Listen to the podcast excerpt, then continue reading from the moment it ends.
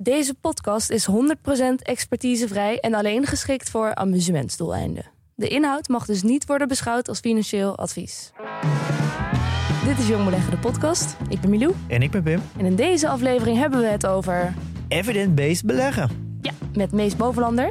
Die je misschien kent van zijn superslimme posts in de community. Of misschien zit je wel bij hem in de collegezaal in Rotterdam. Want hij doet een Master Financial Economics. Ja, we gaan het hebben over value investing, risico's, rendement en bewegelijkheid. En jij en Mees hebben een content tip. Ja, een hele leuke tip. We gaan beginnen.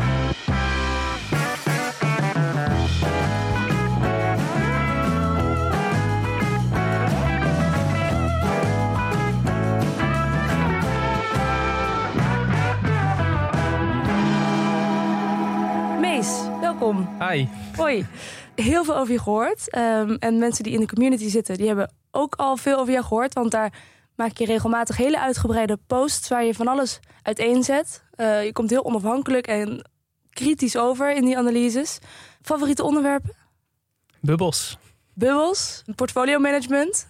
Eh, laatst nog een artikel gelezen over de markt timen. En of dat nou iets is wat je zou moeten proberen of niet. En of het überhaupt kan. Zou je zeggen, waar ben je dan expert in? Nou, je bent eigenlijk nog gewoon aan het studeren. Je doet een master Financial Economics aan de Erasmus Universiteit. Eh, en toch zijn we zeer vereerd dat je hier zit. Nou, insgelijks. Ja, leuk dat je er bent. Je bent ook een fondsmanager in wording, las ik. Ja, ja, het mag nog geen naam hebben, maar eh, het is eh, een eh, ambitie die ik heb. Ik eh, doe dat nu op kleine schaal voor familie en eh, voor mezelf natuurlijk. De Bovenlander Family Fund. Ja, dat is mijn achternaam. En eh, ja, dat is eigenlijk eh, een beetje oefenen voor het echte werk later. Maar hoe, hoe moet ik dat dan voor me zien? Nou ja, het is eigenlijk niks anders dan eh, wat jullie doen, behalve dat ik ehm, het voor anderen doe. Eh, in dit geval is het gewoon familie, dus het is officieel gezien gewoon eigenlijk mijn vader die het zelf doet en mijn broer en mijn zus die het zelf doen. Ik heb dat in handen, dus Ja, zij geven jou geld. Zij vertrouwen jou daarmee. dat hoop ik. Waar denk je dat dat vandaan komt, dat vertrouwen? Nou ja, ik, ze weten hoeveel eh, werk ik hierin heb gestopt, denk ik. Eh, ze weten hoeveel tijd ik hier op dagelijkse basis insteek. En dat ik ook niet iemand ben die zomaar eventjes eh, zoiets doet. Als ik het doe, dan eh, ga ik er voor minimaal 110% voor. Jaar aan de keukentafel erover praten zorgt ervoor dat je vertrouwen krijgt van je familie, denk ik. Ja, ja. Dat hoop ik. Pim, wat bewonder jij zo in Mees?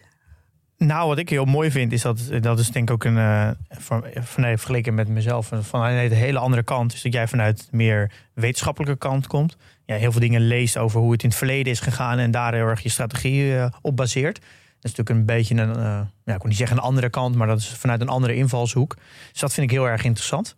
En daar, daar kunnen wij, ik en denk ik heel veel anderen ook een, hoop van leren. Ehm, ik heb meestal gaan het hebben over evidence-based beleggen. Wat is dat? Ja, dat is een eh, lastige vraag. Het is best wel uitgebreid ook. Ehm, Want dit is jouw manier van beleggen. Ja, maar ja, een manier weet ik niet of dat het echt, of je het zo zou moeten omschrijven. Het is meer ja, hoe ik naar meerdere dingen in het leven kijk. Ik wil graag een bewijs voor iets hebben als ik het doe. En dat doe ik ook met beleggen. En ik denk dat ik de literatuur die er op het gebied is, in mijn voordeel probeer te gebruiken. En dat zie ik als evidence, maar anderen zullen dat misschien zien als non-evidence. Als je niet gelooft in de methodologie bijvoorbeeld. Eh, Ja. ja, daar komt vaak kritiek op. Maar het idee is dat jij gewoon heel veel studies bekijkt, daar allemaal dingen uithaalt en zo eigenlijk op die manier een beetje een eigen strategie creëert, wat dan heel erg eh, gebaseerd is op, eh, op eh, ja, bewezen onderzoek eigenlijk. Dat is Ja, dus even ja. simpel samengevat. Want we hebben een aflevering gemaakt over factorbeleggen. Nou, dat is ook een, een soort van evidence-based vorm met die eh, vijf factoren, waarvan dan drie heel specifiek. Hoe, wat is jouw feedback, jouw reflectie op die aflevering? Nou, wat je bij factoren vaak hebt, is dat ze al op hele droge wijze worden bekeken. Dus eh, er wordt bijvoorbeeld naar value gekeken en er wordt naar momentum gekeken als een getal, iets wat kwantificeerbaar is. Alleen ik zie dat meer als het bewijs voor een strategie en ik zie het niet als de strategie zelf. Ja. Dus als je naar value kijkt, daar zit een heel proces achter. Daar wordt gesorteerd op basis van boekwaarde, op basis van earnings, ehm, hoeveel we daarvoor betalen. En dat presteert goed, die methodologie. Alleen om dat in de praktijk om te zetten is vaak heel lastig als je dat gewoon zo zegt. Want je kan zeggen dat creëert een alfa, op die manier aandelen selecteren, maar ga dat maar eens doen. Ga maar eens 100 bedrijven selecteren op basis van PI, eh, Ja. daar een portefeuille mee vullen. Ik ben meer geïnteresseerd in waarom presteert dat dan? En als dat zo is, wat is dan de drijvende kracht daarachter? Ja, oké. Dus je kijkt naar de, de, de. Je ziet dus bijvoorbeeld dat een lage waardering. Eh, vergeleken met de, bijvoorbeeld de markt. dan een, een, een voordeel heeft, een alfa kan opleveren.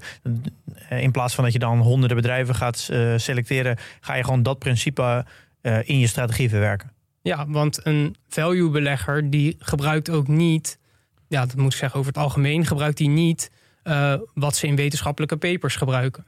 Daar selecteren ze vaak 10.000 aandelen. Dat rangschikken ze op basis van percentielen. En dan uh, krijg je de goedkoopste en de duurste. Ja. Maar een value belegger als Warren Buffett heeft maar... Ja, hoeveel zal het zijn? In zijn jonge jaren waren het denk ik 5 tot 10 aandelen in zijn portefeuille. Ja. Dus dat is een hele andere ja, want in, in zo'n onderzoek gaan ze dus de, de onderste, eh, de, de duurste gaan ze dan short.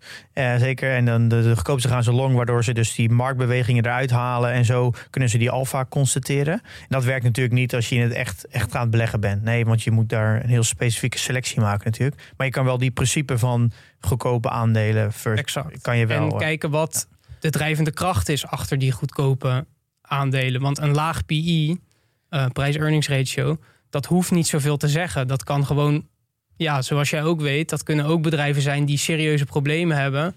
En om terecht te wijzen voor die ratio worden verhandeld. Ja.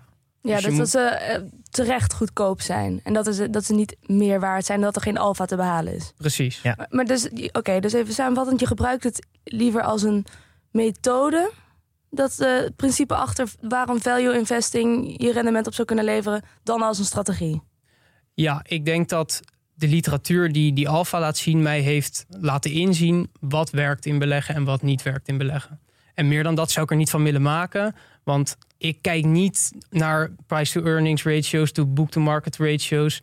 En dan kies ik er een paar. Dat is niet hoe beleggen werkt in mijn optiek. Nee, je doet er, er zit altijd natuurlijk wel een, een, een fundamentele analyse bij. Ook om te kunnen verklaren waarom is die nu goedkoper vergeleken met het verleden of met de markt. Precies. Ja, dus wat zijn dan andere belangrijke dingen waar jij dan nog verder naar kijkt? Ja, dat is een hele globale vraag. Ik kijk natuurlijk naar de kwaliteit van het bedrijf. Dat, dat staat voorop. Dat spreekt eigenlijk de value-strategie tegen. Want die zegt eigenlijk, uh, dat is wel heel onintuïtief, maar value zegt eigenlijk je moet de slechtst mogelijke bedrijven kopen. Want het slechtst mogelijke bedrijf wordt ook het best gewaardeerd vanuit een rendementsperspectief. Ja, ja. Uh, alleen dat is best wel eng om uh, bedrijven te kopen die op het randje van faillissement staan. Dus ik probeer daar iets meer nuance in in te brengen. En dus toch wel iets beter te letten op, oké, is de kans groot dat dit bedrijf failliet gaat of dat het echt fundamenteel fout in elkaar steekt. En dat vermijd ik natuurlijk. Ja. Maar waarom wordt het slechtste bedrijf het best gewaardeerd? Ja, dat is een hele leuke en dat is een van de uh, grote vragen achter value investing. Het loont om goedkope bedrijven te selecteren. Maar er zit natuurlijk heel veel interactie met uh, prijs en kwaliteit. Want een uh, bedrijf wat heel laag is gewaardeerd, kan dat zijn omdat het slecht zit, in elkaar zit. Het kan het zijn omdat het niet opgemerkt wordt. Maar het kan ook zijn omdat er een flinke overreactie in het aandeel zit. En wat je ziet is. Sentiment bedoel je dan? Sentiment, precies. En wat je ziet is dat bij bedrijven, dat is dan ook de reden waarom ik denk dat value investing goed werkt bedrijven die het slechtst zijn gewaardeerd, dus uh, hele lage price-to-earnings ratio's hebben, daar zit de meeste overreactie in de aandelen. Ah. En dat kun je exploiteren door zo'n grote groep te selecteren. En dat is mijn idee achter waarom value investing werkt. Ja, dus het gouden ticket achter value investing is het feit dat er altijd veel sentiment in zit als die bedrijven echt slecht gewaardeerd zijn. Ik denk van Ah. wel, maar ik moet daar wel bij zeggen dat er geen wetenschappelijke consensus over is. Mm -hmm. Geen Uh, evidence voor je? Geen evidence. Uh, er, tenminste, er is evidence, maar er is geen consensus. Want je kan het bijvoorbeeld ook zoeken in de, uh, de andere kant. Het feit dat value werkt, hoeft niet per se te zeggen dat, dat goedkope aandelen goed werken. Maar het kan ook betekenen dat dure aandelen heel slecht werken. Ja, ja, dan krijg je uiteraard natuurlijk ook een premium. Omdat Mm -hmm. dan, ja, dan zit je aan de goede kant van de... Ja, goede kant van de markt eigenlijk. Precies. Ja. Want eh, in hoeverre is dit eigenlijk deze jouw beleggingsstrategie heeft betrekking op de efficiënte markthypothese? Precies, ja. Ja, dan, is, is de markt efficiënt? Ja, dat is een lastige vraag. Want efficiënt dat betekende dat het uh, uiteindelijk de prijs van een aandeel teruggaat naar de, de waarde van het. Nou, dat alles, goed ge, alles gewoon goed geprijsd is. Dat het zo efficiënt is dat alle informatie in, de, in de, het aandeel verwerkt zit. Dat Ja. het eigenlijk geen zin heeft om losse aandelen te selecteren. Ja, je kan hem nog iets breder trekken als de, efficiënte, als de, als de markt efficiënt is. dan is elke asset heeft een evenredige verhouding tussen risico en rendement. Dus of je nou goud koopt, of je een aandeel koopt, of dat je een obligatie koopt, ehm, daar zit altijd dezelfde verhouding rendement en risico tussen. Ja, precies. Ob- obligatie, ehm 1% risico, ook ongeveer 1% rendement. Zo zou je het kunnen stellen. Oké. En hoe ver heeft... eh, hoe, nou, zo- Klopt die? Ja, kl- klopt deze theorie? Of is, is de markt efficiënt? Ja, eh, dan gaan ze me boos aankijken in Rotterdam. eh, maar ik Die geloof, professoren? ja, niet allemaal hoor, maar het is mij in mijn bachelor economie aan de Erasmus is het wel geleerd dat de markt efficiënt is. Het wordt in Chicago in Amerika wordt het nog steeds geleerd. Eh, daar, wordt het ook echt, daar zijn het echt evangelisten bijna geworden. Oké. Er is echt nog heel veel voor te zeggen dat die markt efficiënt is. Bijvoorbeeld dat jullie hebben vorige week een eh, podcast gemaakt over individuele beleggers. eh, dat die structureel underperformen. Nou, ja, dat is wel een hele goede indicatie van dat actief beheer dus niet zo goed lijkt te werken. Dus dat de markt efficiënt is. Ja, tot op zekere hoogte. Ja. Alleen mijn strategie zou niet werken als de markt efficiënt is. Dus uiteraard geloof ik dat. Ja, want er zijn natuurlijk, nou, je Warren Buffett bijvoorbeeld en Charlie Munger, nou nog een aantal grote beleggers, die hebben wel de markt verslagen over een hele lange periode. Mag ik heel even vragen wat, waarom het nou per definitie zo is dat als de markt efficiënt is, dat je dan beter geen losse aandelen kan selecteren? Nou ja, omdat je dus. ehm, je gaat daarmee nooit de markt verslaan. Dus het is het niet waard om dat idiosyncratisch risico te lopen. Dat is risico wat een bedrijf specifiek heeft. Ehm, dat is het niet waard. Want je kan net zo goed in de index of je kan net zo goed in, in, een, in een mandje aandelen stappen. Eh, dat heeft geen, Ja. geen toegevoegde waarde en het kost wel tijd. Ja. En vaak ook transactiekosten. En Maar goed, we weten dat het niet altijd helemaal efficiënt is. Misschien wel door dat sentiment wat erin zit.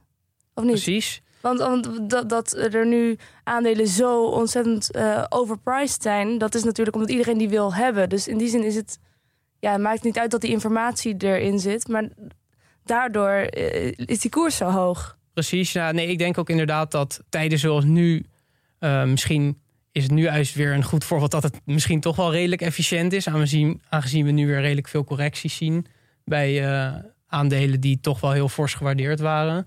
Maar inderdaad, als je een jaar terugkijkt, dan kun je inderdaad zeggen: ja, in hoeverre is zo'n markt nou efficiënt als we zien dat bedrijven die nog geen winst maken, nog niet echt perspectief hebben, voor zoveel keer de winst worden verhandeld. Als het zo evident de omzet. ja, onder andere. Ja, precies, inderdaad. Ja. Ehm, Maar er Ja. zit er wat vertraging op, gewoon, op die efficiëntie. ja, Misschien. maar dat hoort niet zo te kunnen. Dat hoort niet te kunnen. Nee. Zes hoe. Nou, dat is het idee achter de efficiënte markthypothese, dat er dus arbitrage plaatsvindt. Dus als er een aandeel ondergewaardeerd is of overgewaardeerd is, ehm, dan zie je dat arbitrageurs, dus bijvoorbeeld eh, de grote instituties, die gebruiken dat om winst te maken. Dus dan kunnen ze bijvoorbeeld shorten als iets echt overgewaardeerd is en kopen als iets ondergewaardeerd is. Dat doen bijvoorbeeld de banken. Dat horen ze te doen, Oké. Maar dat doen ze niet altijd. Dan zie je bijvoorbeeld, ja, waarom is zo'n bubbel er nou? Dat ontstaat ook omdat er dus partijen niet bereid zijn om shortposities in te nemen. Dat zie je bijvoorbeeld bij een GameStop of bij een AMC. Ja, daar zit niks efficiëntie in die prijs. We zien gewoon, dat is gewoon een luchtbel. Ja. Alleen ga er maar eens tegen in, want er zijn genoeg fondsen op failliet gegaan door gewoon zo'n positie in te nemen. Ja. Dus de efficiënte markttheorie geldt zolang de instituties, de, de scheidsrechters, hun werk doen.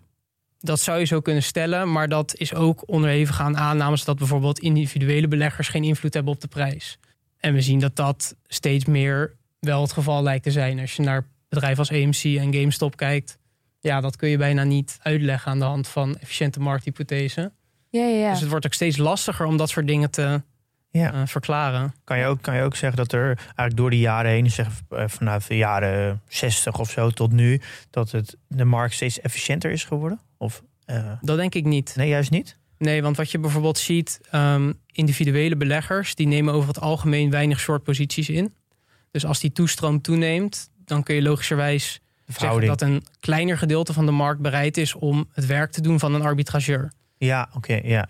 Dus in dat opzicht kun je wel zeggen dat de toestroom van heel veel individuele beleggers de markt niet efficiënter maakt. Dus dat zou eigenlijk juist een voordeel moeten zijn voor, voor bijvoorbeeld voor jou, omdat het daardoor minder efficiënt wordt. Ja, dat ligt aan de getraindheid van de nieuwe belegger. Ja. Gezien die over het algemeen niet zo... eh, Ja, dus eigenlijk wat wij nu aan het doen zijn is niet goed voor jou. Nee, ja, over het algemeen niet, nee.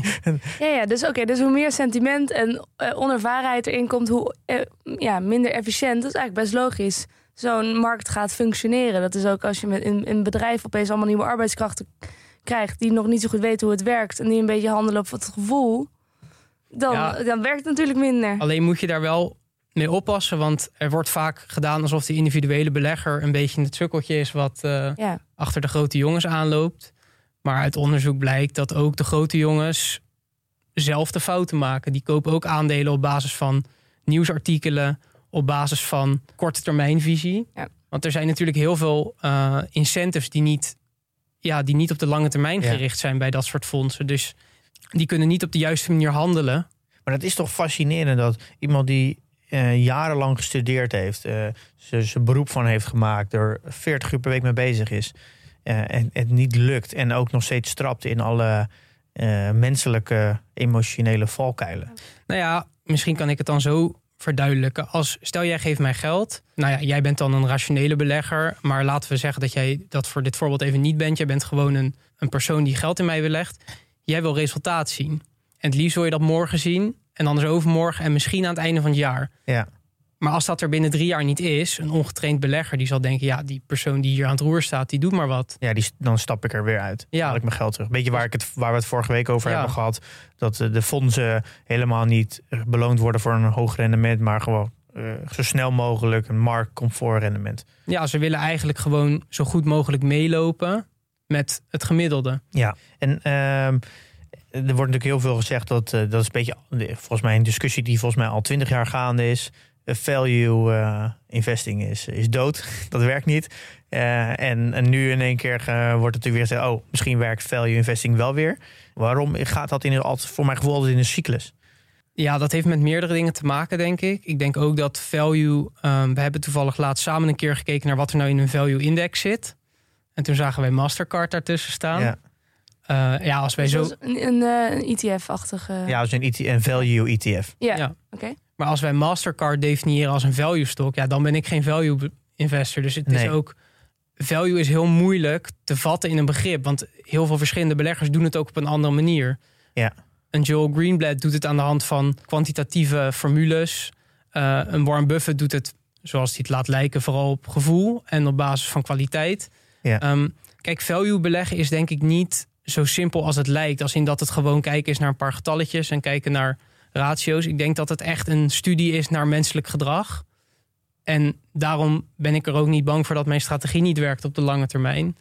Eh, ik denk dat mensen niet zoveel veranderen op de lange termijn. En dat het ontkennen van een value strategie of zeggen dat het niet werkt, inherent is aan waarom het werkt. Je zou zeggen, ja, we leren van de fouten die we maken, maar jij denkt dat dat niet zo is. Ik denk dat dat ijdele hoop is. Ja?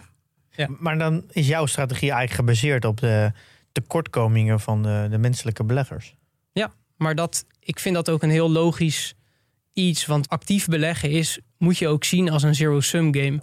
Dus mijn winst is afhankelijk van het verlies van iemand anders. Ja. Dat kun je heel simpel bekijken. We hebben Milou aan tafel, die, heeft, die belegt in de markt. Die heeft ETF's. Wij beleggen allebei actief. Stel dat wij in deze ruimte de markt representeren. En ik presteer bovengemiddeld. Ja, dan moet ik onder, dan moet jij per ja. definitie onder presteren. En dat komt eigenlijk ook een beetje met alle vormen van investeren, zeggen ze altijd. Dat de winst zit hem altijd in de prijs die je betaalt. Dus eh, hoe meer, met vastgoed ook. Dus hoe minder je ervoor betaalt dan de marktgemiddelde, hoe hoger je rendement is. Eh, dus eigenlijk het werkt met aandelen eigenlijk precies hetzelfde. Maar dan moet iemand anders hem jou wel verkopen Precies. onder het marktgemiddelde. En daardoor maakt diegene verlies. Ja. ja. Is dat, want kan je wat meer uitdiepen wat jouw strategie nou precies is? Ja, ja, zoals ik al zei, ik zie value beleggen echt als een, een, een mentale strijd tegen, tegen de markt. Ik denk dat mijn winst vooral zit in proberen eh, rationeel te blijven in scenario's dat de rest van de markt dat een beetje uit het oog lijkt te verliezen. Dat de rest sentimenteel wordt. Precies. Eh, en dat kan beide kanten op werken. Dus bijvoorbeeld, nou ja, vorig jaar was best een lastig jaar. Ik heb daar ook over geschreven in de community. Ja, want dat, dat moet voor jou echt heel veel, heel, heel veel moeilijk zijn geweest. Want de markt ging alleen maar omhoog, heel eh, irrationeel. Ja, ja, ik heb toen ook posities tegen de markt ingenomen. En dat is dan best wel lastig als dat door blijft gaan. Ja. Ja, dat heeft nu op de lange termijn heeft dat gelukkig eh, goed uitgepakt. Maar ja, inderdaad, dat is best lastig om te zien. En je begint soms ook wel te twijfelen. Dat is ook menselijk. Van, heb ik het wel bij het juiste eind? Ja. Nou, ik kan me dat nog herinneren dat jij die post heeft vorig jaar. Toen ging natuurlijk alles alleen maar omhoog. En ik, ik weet, ik kan me nog herinneren hoeveel eh, tegenreactie jij kreeg. Dat in een, in een soort van bull market, als de markt heel lang omhoog gaat, eh, hoeveel mensen dan zo fanatiek zijn als iemand het tegenovergestelde zegt. En ja, eigenlijk alleen maar dat wat recent is gebeurd, dat de markt omhoog, dat het een soort van oneindig is. En ik kan me best wel voorstellen dat je daar heel snel voor aan gaat twijfelen.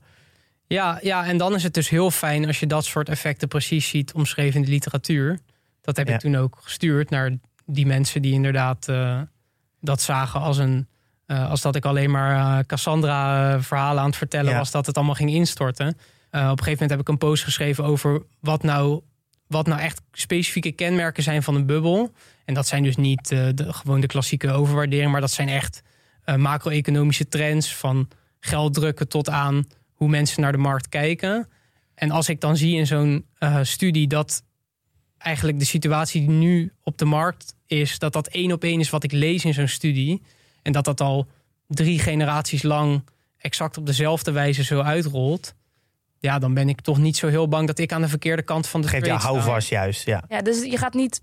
Het is niet puur om het contra zijn tegen wat verder iedereen doet, maar daadwerkelijk kijken naar wat is er in de literatuur en de wetenschap hierover geschreven. En klopt dat met wat ik zie? En dat was zo op dat moment. Dus wat heb jij dan gedaan? Je zegt je hebt posities tegen de markt ingenomen. Wat is dat? Ja, nou ja, ik heb onder andere eh, de ETF van Cathy Woods geshort. Dus dat heb ik gedaan met een inverse ETF. en geleveraged. Dus daar zat ook wel wat risico bij. En dat houdt dus in dat ik eh, ben gaan profiteren sinds het moment dat zij eh, het minder is gaan doen. Mhm. En wanneer was dat? Oké, Ehm, dat weet ik niet exact. maar het Ja, is wel een beetje gebeurd. in november vorig jaar, denk ik. Ja. Een beetje Eh, begonnen. ik, ik ontken zeker niet dat het deels ook geluk is wat mijn timing is geweest. Maar het is wel, eh, ik heb geen moment in het rood gestaan in die positie. Dus vanaf dat moment is het wel toevalligerwijs. De timing was echt eh, was heel goed. Maar zoals ik al zei, eh, ik ben de eerste om toe te geven dat dat Nee, ja, maar dat, Gelukkig. ja. heb je nog andere dingen die, je- die je bewust toepast in je portfolio? Bedoel je dat op basis van risicomanagement? Nou, op basis van deze strategie die, die je doet. Nou ja, ik denk dat het value is best wel een hybride strategie. Dat vind ik ook mooi aan de principes. Mijn strategie sluit niet uit dat ik op een gegeven moment een Shopify in mijn portefeuille krijg. Ja. Of dat ik een Facebook in mijn portefeuille krijg. Ehm, het enige wat mijn strategie voorschrijft is dat die er niet in komt op het moment dat iedereen hem wilt hebben. Ja. Dus eh, dat vind ik fijn, omdat ik weet dat ik niet gebonden ben aan eh, de markt. Ik kan gewoon wachten tot, tot die prijzen eh, Ja. gunstig worden. En tot die tijd wacht ik het rustig uit in bedrijven die ik gewoon goed gewaardeerd vind. Ja, dat vind ik. We hebben, we hebben al ondertussen een tijd met elkaar gesproken. En ik, ik bewonder heel erg jouw proces. Dat je daar. Je hebt, zo, je hebt zo duidelijk voor jezelf wat je strategie is en hoe je dat gaat toepassen. En jij kan er gewoon heel makkelijk dingen laten liggen. Je hebt heel veel geduld. En je wacht het gewoon af. Je kijkt het aan de zijkant aan. En het moment dat, dat eigenlijk het- een extreme overreactie in aandelen komt naar beneden. En dat, dat dus die aandelen een, een goede prijs eh, krijgen. Dan, dan ben jij bereid om in te stappen. En dat maakt inderdaad niet uit of het nou ASML is of Facebook. Maar eh, een goed bedrijf gaat ook een keer een, ja, gaat ook een keer een goede prijs krijgen. En jij wacht daar gewoon op. Dus het geduld, dat is iets wat jij heel goed kan opbrengen. Ja, en dat is ook omdat ik... Kijk, als ik alleen op die bedrijven gefocust zou zijn... dan zou dat misschien lastiger zijn. Als ik per se een ASML in mijn portefeuille wil... dan wordt dat natuurlijk lastiger. Want dan zie ik nu, ja, het is hoeveel 30% gecorrigeerd. ja, Dan wil ik misschien nu al heel snel... ben ik heel gretig om in te stappen. Terwijl ik heb nu bedrijven in mijn portefeuille... die vind ik nog veel beter gewaardeerd. Dat zijn niet de ASML's. ja, Dat zijn de wat saaiere bedrijven. Maar zolang cashflow is cashflow in mijn ogen. Dus ik vind het niet erg om daarop te wachten. Eh, en tot die tijd blijf ik gewoon in de bedrijven die ik wel goed gewaardeerd vind. Oké, En hoe zoek je die bedrijven dan uit? Ja, dat is best lastig. Ik heb een beetje voorafgaand aan deze aflevering bekeken wat er nou in mijn portefeuille zit en hoe ik die heb gekozen toenertijds. Ik merk dat de gemeenschappelijke deler is dat ik voornamelijk geïnteresseerd word als het echt hard onderuit gaat. Of dat er echt, als het achterblijft bijvoorbeeld, dat kan ook een reden zijn. Maar dat echt de markt er niet veel vertrouwen meer in heeft. Dus daar zit weer die interactie met value. Heb je een voorbeeld? Eh, nou, een voorbeeld daarvan is eh, British American Tobacco. daar maak ik mezelf misschien niet populair mee. Maar ik ben een zelfgenoemde libertariër. Dus ik vind dat iedereen lekker zelf mag weten wat hij doet in zijn leven.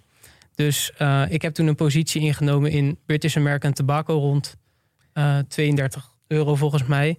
En dat is ondertussen best wel goed aan het renderen. Omdat dat bedrijf dat wilde niemand hebben toen der tijds. Waarom niet? Omdat mensen dachten we moeten stoppen met roken en die mensen maken anderen verslaafd. Ja, dat, is een reden. Ja. Maar bijvoorbeeld ook omdat ze uit alle indexen zijn gegooid. Niemand, ja. grote fondsen willen er niks meer mee te maken hebben. Misschien ook wel om een goede reden hoor. Ik zou niet ontkennen dat tabaksbedrijven misschien niet helemaal uh, een favoriet zijn. Maar als jij op een gegeven moment ziet dat zo'n bedrijf 9% aan dividend uitkeert de omzet blijft groeien, de winst blijft groeien, de cashflow blijft groeien. Je betaalt een schijntje voor het bedrijf. Ja, als ik dan mag kiezen tussen dat of Shopify voor 300 keer de cashflow of zoiets, dan is voor mij de keuze snel gemaakt. Mm -hmm. En ja, dat pakt dan nu goed uit. Maar misschien als ik het in 2015 had gedaan en Shopify uh, nog tien jaar lang was door blijven stijgen, zeg maar, dan ja, dat, dat, merk ik wel bij jou. De bedrijven in jouw portefeuille, die, die hebben al, allemaal best wel een weg naar beneden ingezet. En uiteindelijk is het natuurlijk erg afhankelijk wanneer je, wanneer je ze koopt natuurlijk. Want als je naar jouw aandelen kijkt in je portefeuille en je gaat naar de koers kijken, dan is het natuurlijk heel afhankelijk wanneer ben jij ingestapt. Want je ziet vooral een, eh, een, een lijn van linksboven naar rechtsonder vaak. En het zijn vaak ook bedrijven, ja, je omschreef het zelfs als de lelijke eentjes. Het zijn, het zijn niet de, meest hippe bedrijven. Het zijn vaak hele wat oudere bedrijven, saai, ja, vanuit mij gezien saaie bedrijven. Niet iets wat je met heel veel plezier naar een earnings call zit te luisteren. Eh, ja, daar, daar heeft natuurlijk ook een reden waarom het dus goedkoop is. Omdat het vaak heel saai is. Mensen hebben daar helemaal geen zin om in te zitten. Het is ook de eerste die eruit gaan als de markt flink omhoog gaat, denk ik.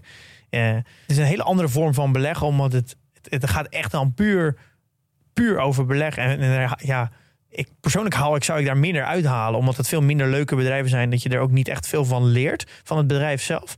Is dat, heb, jij daar, heb jij daar überhaupt moeite mee?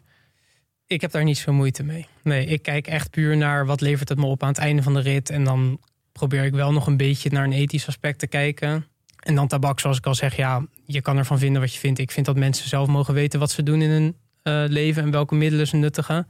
Maar ja, inderdaad, het zijn niet de populaire bedrijven. Maar daar zit juist die waarde voor mij. Ja. En het is inderdaad in heel veel gevallen ook terecht dat zo'n bedrijf minder waard wordt. Maar het gaat hem in hoeveel het minder waard wordt. Dus ik zou niet ontkennen dat tabak op een gegeven moment minder waard gaat worden. Zeg maar dat de markt minder waard wordt. Uh, en dat daardoor de omzet gaat dalen. Maar dat heb ik allemaal al ingeprijsd. Ja. Dat zit in mijn berekening. En als het dan op basis van die berekening alsnog goedkoop is, dan is het een heel interessant aandeel wat mij betreft. Ja. En dit is ook, dus zo'n tabakaandeel is is dat ook iets waarvan je kan zeggen, eigenlijk is hier de markt niet efficiënt? Ja, dat is dus lastig. Want het, er is natuurlijk hele gegronde reden om aan te nemen dat tabak op een gegeven moment gaat verdwijnen. Mm -hmm. En dat zegt natuurlijk niet dat het bedrijf gaat verdwijnen, want ze doen ook andere uh, niet schadelijke stoffen, zoals zij dat noemen. Mm -hmm. um, alternatieven voor roken. Maar ja, er zit natuurlijk wel een, uh, een kans in dat zoiets uh, op lange termijn niet goed gaat werken. Maar het idee is dat ik er dan op dat moment al uit ben. Ja dat heb ik ook vaak met Pim heb ik het over. Ik ben super strikt in wanneer ik eruit ga. Ik, bij alles wat ik koop, ik heb al een verkoopprijs klaarstaan, zodat het, zodra het die prijs raakt, ben ik eruit. Ja. Ik ga niet proberen nog een 5% extra eruit te persen. Het is gewoon klaar is klaar. Ik heb het met mezelf afgesproken en als ik me daar niet aan hou, dan is het einde zoek. Mm -hmm. Ja, dat is wel anders dan wat ik doe. Als ik zeg dat ik er binnenkort uitga, dan uh, zit ik er nu nog steeds in. ja, want, want, jij kijkt dus heel veel ook naar de price to earnings en price to free cashflow. En dat zet je dan af tegen het, het gemiddelde. Kan je wat, daar wat over zeggen wat jij gemiddeld dus vindt? Waar, waar let jij dan op? Ja, wat ik wel moet zeggen, die ratio's die gebruik ik puur om even gewoon te kijken waar het bedrijf staat. Dus dat is voor mij een soort indicator voor sentiment. Als bijvoorbeeld een bedrijf voor tien keer de winst gaat, dan weet je in deze markt wel iets iets wordt niet gewaardeerd in Ja, omdat bedrijf. het nu zeg even 18 keer de winst is gemiddeld. Ja, Uh, en dat handelt dan op 10. Nee, dan, dan is het. dan is er iets aan de hand. En dat is dan, dat kan sentiment zijn, maar dat kan ook zijn omdat het bedrijf eh, zijn marktaandeel aan het verliezen is. Of dat er iets echt fundamenteel fout gaat. Waar ik op let, is ik kijk, ik gebruik die ratio's om te screenen op basis van hoe de markt er naar kijkt. Dus ik kijk op lage PI's, laag prijs to cashflow vooral. Dat vind ik interessanter. En dan ga ik vanuit daar benaderen in hoeverre is dit eh, de waarheid die de markt hiervoor houdt. Ja, oké, want dat is voor jou een beetje een, een, een, een ratio, verhouding van de eh, prijs to eh, free cashflow. Nou, als ik naar mijn portefeuille als geheel kijk, dan wordt het ongeveer voor 9,5 keer de cashflow verhandeld. Ja, dus voor elke Gewogen gemiddelde van de portefeuille. gemiddeld gewogen, ja. Oeh, dus kan je, zou je kunnen zeggen dat voor, voor elke 100 euro krijg je dan zeg bijna 10 euro aan free cashflow ja, per jaar. Die, voor elke 100 euro die ik investeer, kan mijn portefeuille iets gaan doen met die 10 euro. Wat mij op een bepaalde manier eh, rijker zou moeten maken. Ja, want die zou kunnen zeggen dat de, de free, free cash, dus vrije kaststroom, in principe voor jou als aandeelhouder is. Dus op lange termijn zou je dus ook een, een, een 10% rendement moeten maken als het goed besteed wordt. Ja, en daar moet ik ook bij zeggen dat in mijn type bedrijf waarin ik beleg, is het voornamelijk zo dat herinvestering een klein onderdeel Ja. is. Dus het wordt voornamelijk de waarde wordt gekeerd door schulden aflossen, door buybacks van aandelen en door dividenduitkeringen. Ja, ja. Dus daar, heb jij, daar kijk je altijd heel erg naar, naar de, de, de free cashflow. Ja, ik En, ben gewoon geïnteresseerd eigenlijk, dat ben ik bij elk bedrijf. Hoe gaat dit bedrijf mij rijker maken? Ja, Dus dan kom je ook heel snel in bedrijven uit die in een wat latere fase zitten. Eh, want anders eh, ja, genereren ze nog geen vrije kaststroom. Als het heel hard aan het groeien Nee. is, is dat bijna geen vrije kaststroom. Nee, precies. Maar het kan, kunnen ook bedrijven zijn waarbij ik er zo zeker van ben dat het cashflow gaat genereren. Ja, heb je, daar, heb je daar een voorbeeld van die toevallig in je portefeuille? Nou ja, bijvoorbeeld Alibaba zit in mijn Oh ja. portefeuille. Oh, ja. En dat, dat is overigens al een redelijk cash-genererend bedrijf. ja, het is niet helemaal Eh. early stage meer. eh. Nee, maar dat inderdaad, dan kom je bij ehm, wanneer wordt zo'n bedrijf interessant. Dat was niet, ik heb dat bedrijf niet gekocht op 300 dollar, waar het volgens mij op heeft genoteerd. Het wordt dan interessant op 150 dollar, zeg maar. Dat is, Ja, je hebt gewoon gewacht tot het echt heel interessant Ja. is. Ja, ja.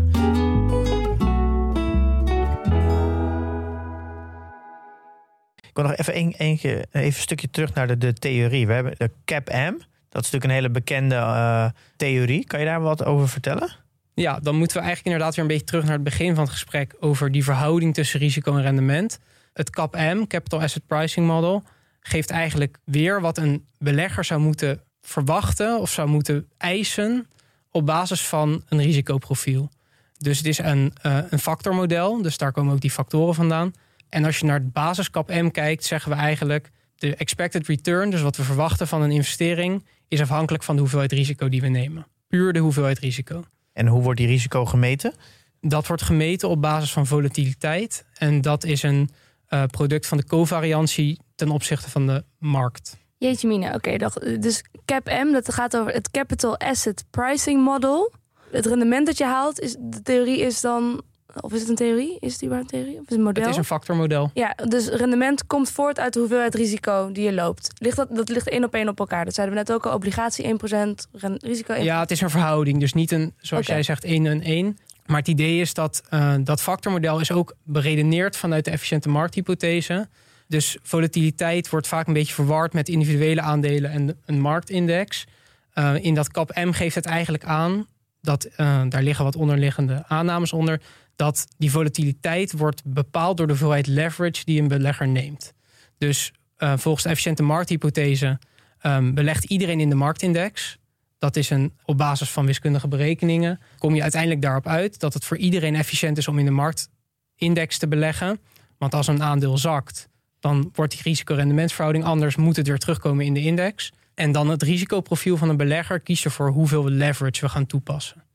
Uh, en daarom is dat cap M in de basis zo standaard. Want je hebt dus alleen risico als verklarende variabele. En wat bedoel je met leverage toepassen? Nou, dat betekent dus het cap M um, is eigenlijk dat we de risicovrije voet, ofwel de rente, daar tellen we een premium bovenop. Dat is namelijk de beta, de volatiliteit, keer het marktrendement, de premium van de markt. Ja. En die leverage die wordt dus gecreëerd doordat je short gaat in het risicovrije object. Dus um, we lenen geld. Ja, het ja. wordt wat. Want, maar dit heeft dus ook te maken waarom dus uh, aandelen zakken die nog geen winst maken in de toekomst. Omdat namelijk de, het risicovrije rendement omhoog gaat. Dus de, ja, de rente precies. gaat eigenlijk. En de, uh, als we puur kijken naar een waarderingsperspectief, wordt uh, het cap M gebruikt in de basisvorm om de weighted average cost of capital te berekenen. Dus de ja. cost of equity wordt berekend op basis van het cap M. Ja, want is het, maar is het niet een. Het geeft mij een gek idee dat je risico gaat definiëren door, door de, de bewegelijkheid, dus de, de beta. Is dat, dat klinkt voor mij zo raar? Ja, dat, dat, dat snap ik. En dat is ook eigenlijk logisch als je het beoordeelt vanuit jouw kant. Omdat jij in losse aandelen zit en jij denkt, ja, ik heb het gekocht voor 10. Ik denk dat het 12 waard is. Tot die tijd vind ik het helemaal niet relevant wat het aandeel doet. Want het gaat op lange termijn naar die 12. Ja. Ehm, maar als jij dus vanuit het KAP-M bekijkt, zitten we dus allemaal in die marktindex. En we hebben dus geen bedrijfsspecifiek raad, of risico, geen bedrijfsspecifiek potentieel. Dus het enige risico wat wij lopen is dat de index beweegt. ja, maar dat is natuurlijk in de praktijk helemaal niet zo. Nee, en dat is dus waar, we, waar behavioral finance bijvoorbeeld op ingaat. Als die basale aannames over de mens niet kloppen, dan kan zo'n efficiënte markthypothese niet kloppen. Want die efficiënte markthypothese is gebaseerd op zaken als rationaliteit. Ja. ja, daar zitten best wel veel stappen tussen. Dat is lastig om nu zo in een podcast te bespreken, want dat is echt puur wiskundig. En die modellen zitten heel goed in elkaar, moet ik er wel bij zeggen. Maar als dat dus niet klopt, die aannames, dan klopt het model ook Precies, niet. dus Ik heb- eigenlijk zeg je dan dat we anders naar risico zouden moeten kijken? Is het iets anders? Want ik lees ook ergens in een van je stukken, of wat je hebt geschreven. Je schrijft de pogingen van academici om het op de juiste manier te kwantificeren, dus risico, zijn tot dusver te vergeefs. Ik zal beschrijven wat ik wel een goede manier vind om risico te benaderen. Ja, precies. En dat is dus omdat ik volatiliteit niet een goede risicomaatstaf vind op het moment dat we niet rationele beleggers zijn en als we dus niet met z'n allen in de marktindex zitten. Hm. Want volatiliteit zegt mij niet zoveel, ook omdat het non-lineair is. Want in zo'n boermarket die we hebben gezien, loont het heel erg om long te gaan in volatiliteit, om heel veel beta te nemen in je portefeuille. Ja. Maar het wordt nog veel meer afgestraft nu, op het moment dat het wat minder gaat. En we weten op basis van compounding voeten dat dat dus niet eh, lineair is. Een stijging van 50% van de portefeuille is niet evenredig aan een daling van 50% voor Nee, het absoluut, geometrisch absoluut gemiddelde. niet. Nee, absoluut niet. Precies, en volatiliteit is wel lineair.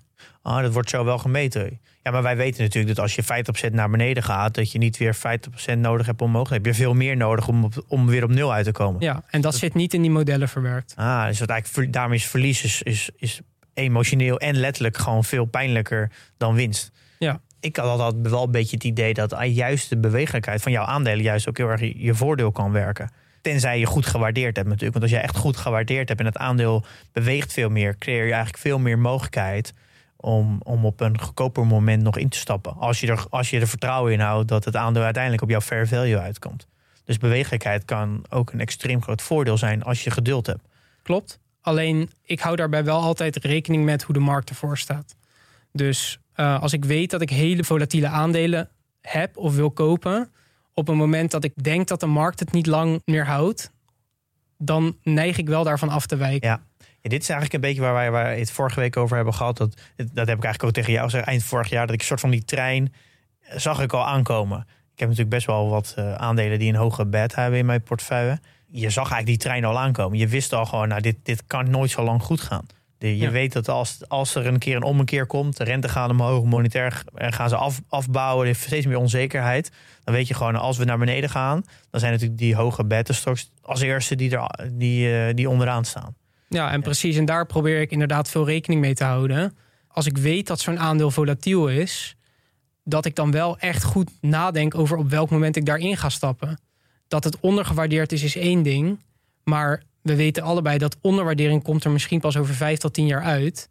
En als ik de markt op elke mogelijke manier overgewaardeerd vind, dan hou ik daar wel rekening mee. Want elk aandeel is op een bepaalde manier gecorreleerd aan de markt. En dat heeft dus niks met het bedrijf zelf te maken. Maar het is er wel. Ja, en, dat, en dan kijk je heel specifiek naar de, de, de beta eh, bij dat aandeel. Ja, En dat wordt gewoon aangegeven door een onder de 1 of boven de 1. Ja, nou ja, dat, er zit natuurlijk een, een schaal in. Van, het kan in principe ook drie zijn. Ja, oké, maar dit is meestal een eh, 1 punt. 1 Ja, of 1.2 precies. of 1.3, een beetje daar. Soms 2, voor Tesla draait op Ja. 2 volgens mij. Ja, maar als je bijvoorbeeld kijkt bij een flow traders, dan zie je dat het vaak een negatieve beta kan hebben. En dat kan je weer in je voordeel gebruiken. Dus Ja. ik heb bijvoorbeeld binnen mijn portefeuille een, een call op flow traders. Omdat ik weet dat ik daar met een heel klein stukje van de portefeuille mezelf heel goed kan hatchen tegen dit soort situaties zoals nu. Ja, want dat is, wel- dan maak je wel een mooi berichtje. Want dat, dat is wat je dus ook doet. Het, het hedgen, dus het, een soort van verzekering nemen op, op je portefeuille. En dat doe je dan heel specifiek in bepaalde marktmomenten. Dat is eigenlijk hoe ik dus heb gereageerd op Kijk, het is heel lastig, want shorten is echt lastig voor een individuele belegger. In de letterlijke zin van het woord dat je het aandeel verkoopt wat je niet hebt. Uh, dat is gewoon duur. Daar, daar betaal je echt veel kosten voor. Dus dat is heel lastig om voor een kleine portefeuille dat te doen. Dus ik doe dat inderdaad aan de hand van derivaten. Dat zijn bijvoorbeeld puts op echt ver out of the money uh, AIX puts bijvoorbeeld. Wat is een put ook weer? Een put is eigenlijk een, een, het geeft jou het recht om een aandeel te verkopen op een bepaalde prijs. Een aandeel dat je niet eens hebt? Of wel hebt? Nee, het is een contract. Het is een, afgeleide, een afgeleid product, een derivaat. Ja. En door dat recht um, krijg jij op het moment dat dat aandeel verzakt, wordt dat contract meer waard. Het is een beetje alsof ik zeg, dat vind ik altijd een mooie vergelijking. Uh, jij doet een brandverzekering, sluit jij af. Dat contract kost jou maandelijks geld, uh, levert jou niks op, totdat je huis in brand vliegt. Ja. Dan krijg jij in één keer een smak geld, omdat de kosten. Dus Ja. dat, zo zou je het eigenlijk moeten zien. Mhm. Uh, jij kan je huis dan voor dezelfde waarde verkopen als dat het was voor de brand. Zo zou, Ja, ja, ja. Oké, je hebt dus eh, de gewaarborgd, de waarde van je huis eh, Ja. met dat contract. Ja. Precies. En het, als ik jou dus jouw strategie een beetje kan samenvatten, is we hebben natuurlijk de factoren value en eh, eh, lage bewegelijkheid. Eh, die pas je eigenlijk toe door je portefeuille een lage beta te geven, heel veel geduld te hebben en de markt goed aan te voelen. En dan eventueel zelfs nog een, een, een hedge toepassen als je merkt dat er een, eh, een, een flinke overwaardering in de markt zit. En dat kan je zien door naar een gemiddelde koers-winstverhouding in de markt kijken versus ik denk het lange termijn gemiddelde, wat ongeveer op vijf. ja, er vijf zijn wel meer indicatoren die je daarvoor kunt gebruiken. Die is altijd wat lastig te. Want welke, waar kijk je dan nog? Nou ja, je kan bijvoorbeeld naar de, de Buffett ratio, wordt dat genoemd. Dan kijk je naar de stock market to GDP. Is wel een hele goede indicator. Maar die is al volgens mij al vijf à tien jaar. eh, Ja, ik Eh. denk ook al dat de markt 5 à 10 jaar overgewaardeerd ah, Oké, ja. Oh, als ik het in mijn eigen proces bekijk, is eigenlijk het moment dat ik de markt overgewaardeerd vind, is gewoon simpelweg. Ik probeer allerlei bedrijven te vinden, maar niks voldoet aan mijn. Ja, dus eigenlijk die, die, die ballen die we vorig jaar als metafoor hadden. Jij vindt dat we nu in een markt zitten waar eh zeg, eh 95% rood is en maar 5 groen. Ja, dit- het begint nu misschien iets meer dat er een, een grotere groep naar fair, fair value gaat. Maar inderdaad, als we vooral kijken naar het jaar hiervoor, eh, is het heel lastig in mijn optiek om echt goede investeringen te vinden. Ja. En dan wordt het dus interessanter. Dat is dus voor mij een reden om hedges te gaan openen. Want dan weet ik, oké, als ik echt niks kan vinden wat ik, of ja, bijna niks kan vinden wat ik echt interessant vind. Ja, dat dan- betekent dat het eigenlijk heel veel te duur is. Ja, En dan is een hedge dus ja, interessant. je moet toch iets met je geld. Ja, Nou ja, je moet iets met het geld van je hele familie. eh Ja. Je hebt dat is nog dus wel een verantwoordelijkheid die je te dat is dragen natuurlijk wel interessant. Jij, doet, je, jij hebt eigenlijk heel erg de strategie van verlies geen geld. Dus je bent extreem bezig met risico. En je bent heel erg bezig met eh, de psychologie van de, van de mens en van jezelf. En je probeert FOMO, te, dat, dat ken je niet. Eh, en heel erg het sentiment aan te voelen en daarop te, te acteren. Zeg ik dat zo, zo goed? Ja, samen? ja, ik probeer eigenlijk, als ik het zou moeten samenvatten, ik probeer in tijden dat ehm, value investing niet zo goed werkt. Dus bull markets probeer ik zo goed mogelijk erachteraan te rennen zonder van mijn principes af te wijken. En dan gaat het lonen mijn strategie op het moment dat die bull market ten einde komt. En dan zie je dus in de praktijk dat ik in de jaren hiervoor eh, vaak een paar procent achterloop. En dat ben ik bereid, want dat zijn kosten die ik ben, bereid ben om te maken. Eh, maar dit jaar gaat het heel goed. Ja, dat is dus wel goed. Want je, je bent dus wel heel bewust bezig. Want dat is een beetje de argument altijd van, van deze strategie. De value-strategie is dat je in bull markets eigenlijk zo erg achterloopt... dat het een beetje winst wat je dan maakt... eh, als, de, als het weer wat zakt, dat dat niet opweegt. Maar jij probeert wel mee te lopen met... eh, en hoe, loop je dan gewoon mee? Door gewoon geen hedges te hebben dat helemaal... Nou ja, ik heb dus wel hedges, maar wat je vaak ziet in legendary eh, portfolio managers, die doen zeg maar, die gebruiken bijvoorbeeld obligaties om te hedgen. En dan zie je dat er 40 tot 50 procent zit in, in obligaties. Maar dat creëert inderdaad zo'n drag, noemen ze dat, op je resultaat, dat dat nooit meer gaat opwegen. Hetzelfde geldt voor goud bijvoorbeeld. Om dat een goede hedge te maken, moet je gewoon 50 procent daarin zitten. Ja. Maar hoe ik hedge is met 1 à 2 à 3 procent van mijn portefeuille. Afhankelijk van hoe ik de markt zie op het moment. En omdat het maar zo'n klein percentage is, kan ik ook maximaal dat verliezen aan rendement. Ja, omdat je eigenlijk gewoon met die andere 95% of 98% gewoon long zit. En daar ga Ja. je gewoon mee. Ja. Ja, Want ik ik ja. profiteer mee van een markt die, zoals ik al zei, beta. Elk stok is onderhevig aan beta. Je beweegt altijd mee met de markt. Eh, behalve als er iets fundamenteel mis is met het bedrijf. Maar zolang er niks gebeurt, beweegt een bedrijf in principe mee met een markt voor een bepaalde correlatievoet. Ja, ook al heb je een lage beta in ja. je portefeuille, beweeg je nog steeds mee natuurlijk. Precies, en daarvan profiteert iedereen natuurlijk in een bull market. En bijvoorbeeld eh Spitsnagel en Taleb, die ik echt als voorbeelden zie op dit gebied. Wetenschappers. Nee, nee, de schrijver Taleb is de schrijver van eh Anti-Fragile. Ah, schrijvers. Ja, ja het zijn eh, traders, eh, dat zijn derivatenhandelaren eh, van origine, maar ook wiskundig zijn ze allebei. En daar kom ik weer een beetje terug op dat ik academici in mijn vakgebied niet heel erg bekwaam vind op het gebied van risico. Mhm. Dat vind ik echt dat dat een wiskundige kan dat veel beter benaderen. En je Ja. ziet in hun boeken dat echt heel goed terugkomen dat risico zit zo erg in wat we niet kunnen kwantificeren, wat we niet zien, dat je dat ook niet in die modellen kan verwerken. Bijvoorbeeld een coronacrisis, dat is misschien een oneerlijk voorbeeld, omdat dat echt niemand zag het aankomen. Dat zat niet in de modellen. Maar Spitsnagel en Taleb hebben 4000% rendement gemaakt met hun fonds in de coronacrisis, in die crash. Dus zij hebben misschien in die boelmarkt daar tien jaar voorafgaand hebben zij 1 à 2, 3 procent per jaar verloren. Maar dat fonds, dat is zo asymmetrisch gehedged, dat dat volledig opweegt. Ja, en dat is ook wel een beetje de, de, de, de strategie. Dat je, dan noem je dat ook wel de, wat is het, de dumbbell-strategie. Dat je, Ja, tail risk hedge. Ja, en dat is inderdaad, het komt overeen met een dumbbell strategie. ja, dus dat je een heel klein percentage hedge, maar dan met een asymmetrisch risico en de rest gewoon long hebt. Ja, wat zij ook zelf zeggen is Low dat risk long eigenlijk. hedgen geeft jou de mogelijkheid om heel agressief in de markt te zitten. Want als jij bijvoorbeeld, jij hebt een portefeuille die best wel tech zwaar is, Ja. ehm, dan zou het heel erg helpen om bijvoorbeeld zo'n Cathy Woods short voor een klein percentage erin te hebben met een enorme, eh, met een enorme hefboom. Ja. En dan op het moment dat het goed gaat, dan gebeurt er niks. Maar dan zijn al jouw aandelen gaan goed, want de markt gaat goed. Maar op het moment dat het echt fout gaat, zoals nu zie je heel veel bedrijven 60% in de min staan. Ja, als jij daar een goede put op hebt staan, dan wordt dat helemaal opgetrokken door dat. Ja, dan neutraliseer ik eigenlijk. Ja. Ik heb dat wel eens tegen jou gezegd, volgens mij eind vorig jaar, dat ik heel graag een knop in mijn portfolio wil hebben, in mijn, bij mijn, eigenlijk bij mijn broker, van nu wil ik even een neutraal zijn. Een soort van, ik wil nu eh, marktneutraal zijn. Dus wat de markt ook doet. Ik ik kan dat natuurlijk doen, neutraal zijn, door gewoon alles te verkopen en weer in te gaan. Maar dan heb ik heel veel transactiekosten, kost heel veel tijd en energie. En ik zou eigenlijk heel graag een, ja, even neutraal willen zijn. Nou, Want- zie daar de hedge. Ja, de hedge eigenlijk, ja. Maar op dit moment is mijn skillset gewoon niet goed genoeg om met deze instrumenten te werken. Ik denk dat dit ook een veel hoger risico heeft met hedge. Want het kan natuurlijk ook fout gaan. Eh, Dus je, ja, ik ben daar gewoon nog, niet, eh, nog lang niet ver genoeg om dit goed Nee. toe te passen. Maar wat kun jij wel meenemen van Mees in jouw strategie? Zijn er dingen die jij, eh, die, waarin jij heeft geïnspireerd al of gaat? Oh, nou. Ik, leer, ja, ik heb heel veel geleerd. Ten eerste, ik, ik, ik beleg nog niet zo lang, dus ik leer nu überhaupt al heel veel in deze markt. Omdat nu, ik ben een soort van gestart in een bull market. Nou, dus ik maak nu ook de andere kant mee, dat de aandelen ook 50% naar beneden kunnen.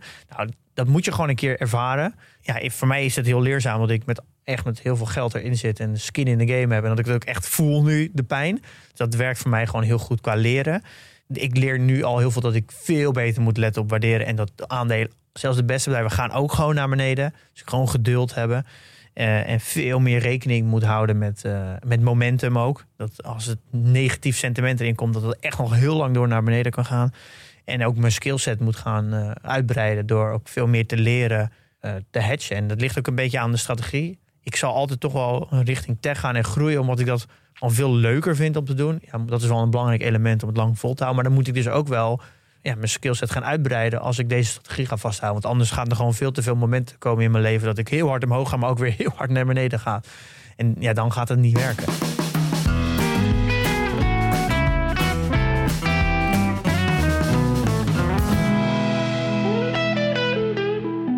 Ik denk dat het ja, gewoon altijd goed is om te blijven praten over risico's. Ik heb het volgens mij samengevat eind vorig jaar, begin dit jaar. Geduld, risico's en psychologie. En dat zijn eigenlijk precies de drie dingen waar jij het constant over hebt. Eh, Ja. En wiskunde. En wiskunde. En wiskunde, ja. Ja, bijvoorbeeld die eh, Taleb en Spitsnauw, die benaderen echt heel erg dat geometrisch gemiddelde, dus die groeivoet. En die maken dat zo duidelijk wat zo'n drawdown voor impact heeft op jouw eindresultaat. Dat je eigenlijk, als je dat hebt gelezen, wil je nooit meer de kans lopen op dat jouw portefeuille 40% daalt. Want stel, die neutraliseerknop die heb jij. En je had nu kunnen voorkomen dat een deel van jouw portefeuille 50% in de min gaat. Ja, het is Dat- gigantisch. Dat is zo'n effect. En ja. Eh, ik denk dat dat mij echt heeft geholpen om in te zien hoe belangrijk het is om geen geld te verliezen. Ja. Eh, en daarom zou ik ook iedereen aanraden om dat soort boeken te lezen. Het is gewoon. Nou, dat, dat ben ik wel volledig met je. Ik ben nu in vier, vijf maanden, of nou, ik weet niet exact, maar ik ben in ieder geval op mijn top zat ik op 85.000 euro winst. En ik zit nu op 40, 35, 40. Dus ja, er is gewoon echt flink wat afgegaan. En dat kan gewoon niet meer compounden nu. Het is natuurlijk nu geen definitief verlies, maar dat is wat jij natuurlijk over hebt. Als je dat, dat de komende 30 jaar zou kunnen compounden, is een gigantisch bedrag. Ja. Dus het verlies beschermen is, is extreem waardevol. Don't lose money. Wie zei Ja. dat ook alweer? Ja, dus ik, dat merk ik ook wel steeds meer dat het. eh, je moet het gewoon ook een keer meemaken. Ik heb nu voor mijn gevoel steeds meer geduld. En ik vind het ook helemaal niet minder erg nu om. Nu dat, nu ik dat meer geleerd heb, dat ik gewoon de komende jaren bijvoorbeeld underperform. als ik daardoor wel minder risico neem. Ja. En ik merk heel erg als je net begint met beleggen, dan ga je jezelf heel erg meten tegen het marktverslaan. Want dat is een soort van marktverslaan betekent dat je een betere beleg, goede belegger bent. Maar dat, ja, dat eigenlijk is dat een soort van iets wie jezelf voor de gek houden. Eh, Nou ja, als je niet kan zien wat iemand in. Kijk, bij jou kunnen we zien wat je in je portefeuille hebt. Maar als ik iemand eh, op internet zie posten dat hij 50% rendement heeft gemaakt vorig jaar, dat doet mij niet zoveel. Ik wil weten wat daar aan proces ten grondslag aan ligt.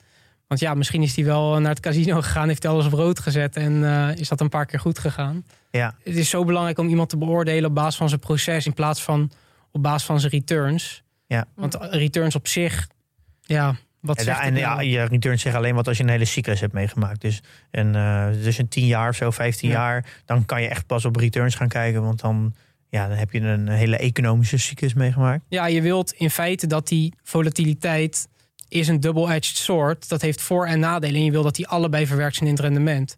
Het is niet eerlijk om na tien jaar bull market te zeggen... ja, kijk, ik heb gewoon goed, ge, ik heb goed aandelen geselecteerd...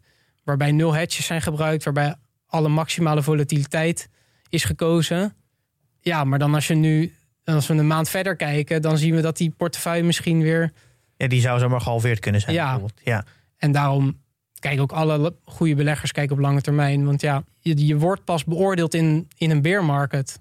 Ja. Dat is waar de beleggers laten zien hoe goed ze zijn in beleggen. Ja, maar dat is natuurlijk extreem moeilijk om. om het, het is echt een emotioneel spelletje dan. Dat je, als je, je zou maar net het begin van de boelmarkt zitten met deze strategie. Dan moet je elk jaar aan, aan zitten kijken zodat alles omhoog gaat. Dat, is, dat moet je echt sterk in je schoenen staan. Dus, Ja, eh, ja, ik heb het geluk dat ik nog jong ben en daardoor eh, pas een paar jaar het moet aanzien. Ja, maar je, kan- je kan dus eigenlijk wel stellen waar we nu in zitten in deze situatie voor allemaal jonge beleggers. Het is, want ik denk dat heel veel luisteraars die zitten nu in het rood. Of in ieder geval, of als ze in maart zijn begonnen, zitten ze misschien, staan ze in, staan ze in dit jaar in de min, maar niet in het rood. Maar als je iets later bent begonnen, de kans is heel groot dat je nu in het rood staat, dat het best mo- moeilijk is. Maar dat je dat eigenlijk juist moet zien als een heel gunstig. Want dat je dat nu heel veel van leert, wat, hoe de markt werkt. Dat je dat beter nu kan hebben dan over vijf jaar. Want nu heb je nog veel minder geld in de markt. Er zit wat in. Ja, ze hadden eigenlijk de post in de community moeten lezen. Ja, nou, Welke precies? Allemaal.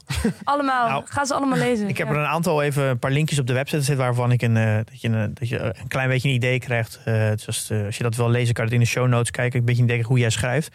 En met ook een linkje naar de, naar de community. Nou, super tof dat je dat doet. En ik denk dat de artikelen die jij hebt geschreven, dat je die eigenlijk misschien nu nog een keer kan lezen die je een half jaar hebt geschreven. En dat geeft dan een heel ander. Ja. Ja, het heel probleem kop- is dat als het de markt niet had gedaan wat het nu heeft gedaan, is dat ik nog steeds eh, dat er nog steeds op dezelfde manier naar wordt gekeken.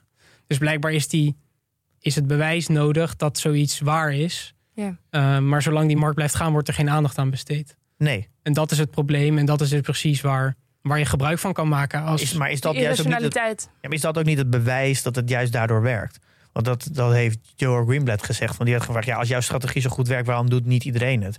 En toen was zijn antwoord, ja, doordat het niet elk jaar werkt, daardoor werkt het. Want daardoor zijn heel veel mensen die het dan proberen, die denken, hey, dit werkt niet. Twee jaar geprobeerd, die stoppen er weer mee. Ja, nee, value heeft ook in de literatuur hele periodes waarin het niet werkt. En periodes waarin het weer extreem goed werkt. En dat wordt natuurlijk verklaard omdat value interessant wordt als alle tech wordt afgestraft. Ja, Dan gaan we nu allemaal naar value. Ja. En dan ga ik weer naar tech. Ja, daar gaan we. Jongens, we gaan, het, we gaan het zien. Ik heb nog één prangende vraag voor jou, Mees. Hoe ga jij verder? Want eh, dat je een veelbelovend belegger bent, dat, dat hoor ik ook wel. Maar wil je misschien wel door in de wetenschap? Of wat ga je doen? Ja, dat is lastig te zeggen. Ik weet niet of eh, verder gaan in de wetenschap. Dan denk ik dat je op doelt op een PhD of Mhm. een. Ik weet niet of dat mij helpt om een betere belegger te worden. Maar we- is dat, is dat het uiteindelijke doel? Ja, dat denk ik wel. Het lijkt mij heel leuk om er iets mee te gaan doen. Ik moet dat zelf nog voor mezelf bepalen hoe ik dat vorm ga geven. Maar ik denk dat de manier waarop ik naar beleggen kijk van toegevoegde waarde kan zijn. En dat dat wel iets waard is. En dat misschien andere mensen dat ook in gaan zien op een gegeven moment. Als ik wat meer track record heb en wat meer bewijs hebben voor de werkende strategie.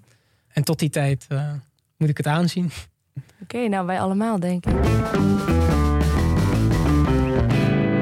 Pim, had jij nog een tip? Ja, oh, ik heb nog, ja, dat is eigenlijk ook wel een beetje in. Ik denk dat jij daar ook wel over mee kan praten. Ik wil eh, even een, tip geven over een soort van ja, cursus aandelen waarderen eh, op YouTube. Ik moet even kijken of ik dat goed uitspreek. Aswad Damodaran. Hij is volgens mij een docent aan de University of New York. En hij heeft een, een, op YouTube een 25-delige cursus gegeven over hoe je aandelen waardeert. Het zijn allemaal video's van, denk ik, tussen de v- 10 en de 20 minuten. Waar hij eigenlijk een soort van snippet haalt uit al zijn lessen die hij heeft gegeven. Eh, ja, ik moet zeggen, het is, een, eh, het is even een lange zit, maar je hoeft ze niet in één keer te kijken. Maar het is een fantastische serie als je wil leren waarderen of meer wil weten over waarderen. Volgens mij, ik weet niet of ik hem via jou daar ben achtergekomen, maar in ieder geval, eh, Ja, ik ben wel heel enthousiast over hem ook inderdaad. Want hij, je ziet vaak dat value wordt heel erg vanuit nummers en vanuit spreadsheets wordt benaderd. En hij weet op een mooie manier die brug te maken tussen een beetje onze strategieën. Ja, dat, daar, oh ja, dat was de reden waarom wij erop zijn gekomen. Is dat ik meer vanuit de story kant beleg. En jij meer de numbers. En hij heeft ook een video gemaakt over de valuation is the bridge between stories and numbers. Ja. En dat je dus het, je moet eerst het verhaal maken. En dat moet je kunnen, kunnen backen met nummers. Dat is een beetje zijn eh, verhaal. Ja, ja, als je een verhaal hebt, moet je dat ook kunnen substantiëren met nummers. Ja. Dat zag je ook heel vaak vorig jaar van Tesla kan eh, tot in de oneindigheid groeien. Ja, maar, maar hoeveel dan? En als het dan 70% groeit, als dat je aanname is, hoeveel is het dan waard? Want vaak is het, het groeit 70%, dus ik ben bereid alles ervoor te betalen. Ja, maar hij ja. is daar veel kritischer op. Hij is ook geïnteresseerd in het mooie bedrijf Tesla en potentie. Maar wil wel aan de andere kant daar een bewijs voor zien. Ja, hij maakt gewoon meerdere verhalen over het bedrijf. Hoe dat zou kunnen ontwikkelen door de, de komende 15 jaar. En gaat, het dan, gaat er dan nummers bij plakken. En dan gaat hij zien, is dit eigenlijk wel realistisch? Ja, dat is wel een, eh, ja, een- een- hij heeft hele leuke video's. Link staat op de site. En ook hele goede boeken geschreven. Oh ja, hij heeft ook een aantal boeken. Die linken die eh, heb ik ook op de website eh, vermeld. Een linkje naar de, naar de boeken toe. Nog even een eh, portfolio-update. Mhm. Ik heb geen transacties gedaan. Dus daar is een korte update. Niks, nog niks, steeds niks gedaan. Ik ben wel goed aan het, aan het bekijken, maar ik nog niks gedaan. Nou, en volgende week heb je waarschijnlijk ook nog niks gedaan. Want dan ben jij er niet, want dan zit ik hier met Dennis. Ja, klopt. Dennis, Dennis. Emmelkamp. Ja, jullie gaan met z'n tweeën even eh, twee weken eh, de podcast maken. Ja, en eh, volgende week gaan we het hebben over dip, correctie, crash en bearmarkt. Ja, en ja, wat moet je dan doen? Wanneer is het eigenlijk? Hoe kan je daarop voorsorteren? Bodemvissen. Bodem. En hoe ga je er als jonge belegger mee om? En Dennis gaat denk ik ook nog wel even een, een portfolio-update geven... aan de hand van eh, de afleveringen die hij, denk ik, een paar maanden geleden heeft gemaakt. Eh, hij heeft weer een aantal transacties gedaan, dus die zal hij even eh, een update over geven. Oké. Moeten we eigenlijk, we hebben Mees helemaal niet bedankt in, Oh ja. in de... Ehm, Mees, heel erg bedankt eh, dat je te gast wilde zijn. Ja, jullie bedankt dat ik langs mocht komen. Je bent altijd welkom. Ja, ik kijk ook uit naar de volgende keer. Ehm, Wil je nog iets eh, meegeven aan, eh, aan de luisteraar? Ehm, een boekentip of een, een algemene eh, statement naar, eh, naar, de, naar de jonge beleggers? ja, of als je naar college moet, is het ook goed hoor. Nou, aan de jonge beleggers zou ik mee willen geven dat lezen echt de weg naar succes is in dit vakgebied. Je moet bereid zijn om gewoon veel informatie tot je te willen nemen. En ook, ik zou echt terughoudend zijn als je nog niet een globaal beeld hebt van wat beleggen is. En wat waarde creëert en hoe het spelletje een beetje werkt. Ik zou daar echt eh, eerst de research doen en dan instappen. Lezen, lezen, lezen. Dat past ontzettend goed bij onze slogan. Vind je ook niet, eh, Pim? Ja, hoe ging die ook weer? Investeer in je kennis en beleg met beleid.